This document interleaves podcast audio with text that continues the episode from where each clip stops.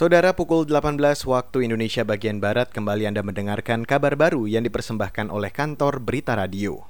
Kantor Staf Presiden atau KSP mengklaim saat ini masalah yang dihadapi di Papua bukan sekedar hak asasi manusia atau HAM, namun lebih kepada kesejahteraan. Karena itu menurut Deputi 5 Bidang Politik Hukum Keamanan dan HAM Kantor Staf Presiden Jaleswari Pramodarwardani, pemerintah melakukan beberapa upaya untuk menangani masalah tersebut, semisal dengan pendekatan khusus terkait kesejahteraan dan pembangunan. Eh, problem Papua kita hari ini bukan hanya HAM Sipol saja, tetapi HAM Ekosop juga.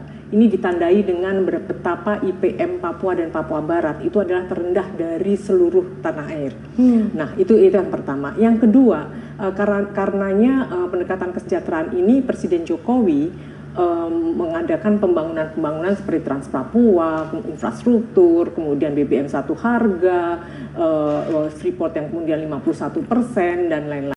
Menurut Jaleswari, pemerintah saat ini tidak main-main dalam membangun kesejahteraan di Papua. Mulai dari program BBM satu harga, kemudian memasukkan Papua dan Papua Barat dalam daerah prioritas nasional. Ia mengklaim sejak Indonesia merdeka, baru saat ini Papua masuk dalam prioritas tersebut. Beralih ke informasi selanjutnya, Saudara Komisi Pemberantasan Korupsi atau KPK saat ini masih mencari alat bukti kasus dugaan suap proyek infrastruktur yang menjerat ex-Bupati Lampung Selatan Zainuddin Hasan. Pencarian itu dilakukan antara lain dengan menggeledah kantor Bupati Lampung Selatan dan kantor Dinas PUPR Lamsel. Itu sebab belum ada pengumuman tersangka baru kasus tersebut. Selain itu, jubir KPK Ali Fikri beralasan hal tersebut juga terkait kebijakan pimpinan KPK yang akan mengumumkan setelah tersangka ditahan.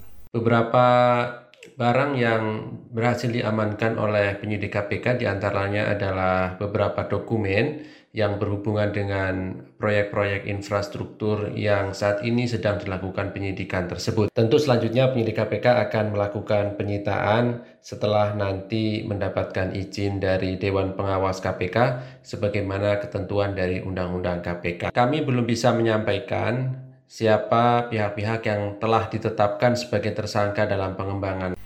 Itu tadi jubir KPK Ali Fikri. Sebelumnya, bekas Bupati Lampung Selatan Zainuddin telah difonis bersalah terkait tindak pidana pencucian uang atau TPPU suap proyek di Dinas Pekerjaan Umum dan Perumahan Rakyat Kabupaten Lampung Selatan. Ia dihukum 12 tahun pidana penjara dan denda 500 juta rupiah subsidi 6 bulan kurungan. Selain itu, majelis hakim juga menjatuhi hukuman tambahan berupa uang pengganti sejumlah 66 miliar rupiah. Saudara, harga ikan komoditas ekspor di Cilacap, Jawa Tengah turun 30 hingga 40 persen, meski Indonesia sudah memulai tahapan normal baru atau new normal. Ketua kelompok rukun nelayan sekaligus kepala tempat pelelangan ikan atau TPI Pandanarang Cilacap Tarmuji mengatakan, hal itu disebabkan menurunnya serapan ikan untuk ekspor. Kata dia, saat ini pengepul tetap menyerap ikan namun dengan harga murah. Misalnya, bawal putih bobot 200 gram harga terkini Rp130.000 per kilogram. Kalau komoditi kan bawal putih atau dawal itu kan ekspor. Kurang tahu untuk depot-depotnya itu masih bisa melaksanakan ekspor atau belum. Prinsip dari Bapul masih masih dalam transaksi pembelian di, di kondisi normal seperti ini ada ini ada penurunan karena mungkin belum stabil juga untuk di harga pasar internasional ya karena masih jam pasca pandemik itu. 30 sampai 40 persen sih. Kepala TPI Pandan Rangan Tarmuji meminta pemerintah segera memberikan izin kepada pabrik-pabrik pengolahan ikan komoditas ekspor untuk meningkatkan harga ikan. Sebab nelayan pesisir selatan Jawa sudah mulai memasuki awal musim panen ikan. Dia memperkirakan puncak panen raya bakal berlangsung Agustus hingga Oktober 2020.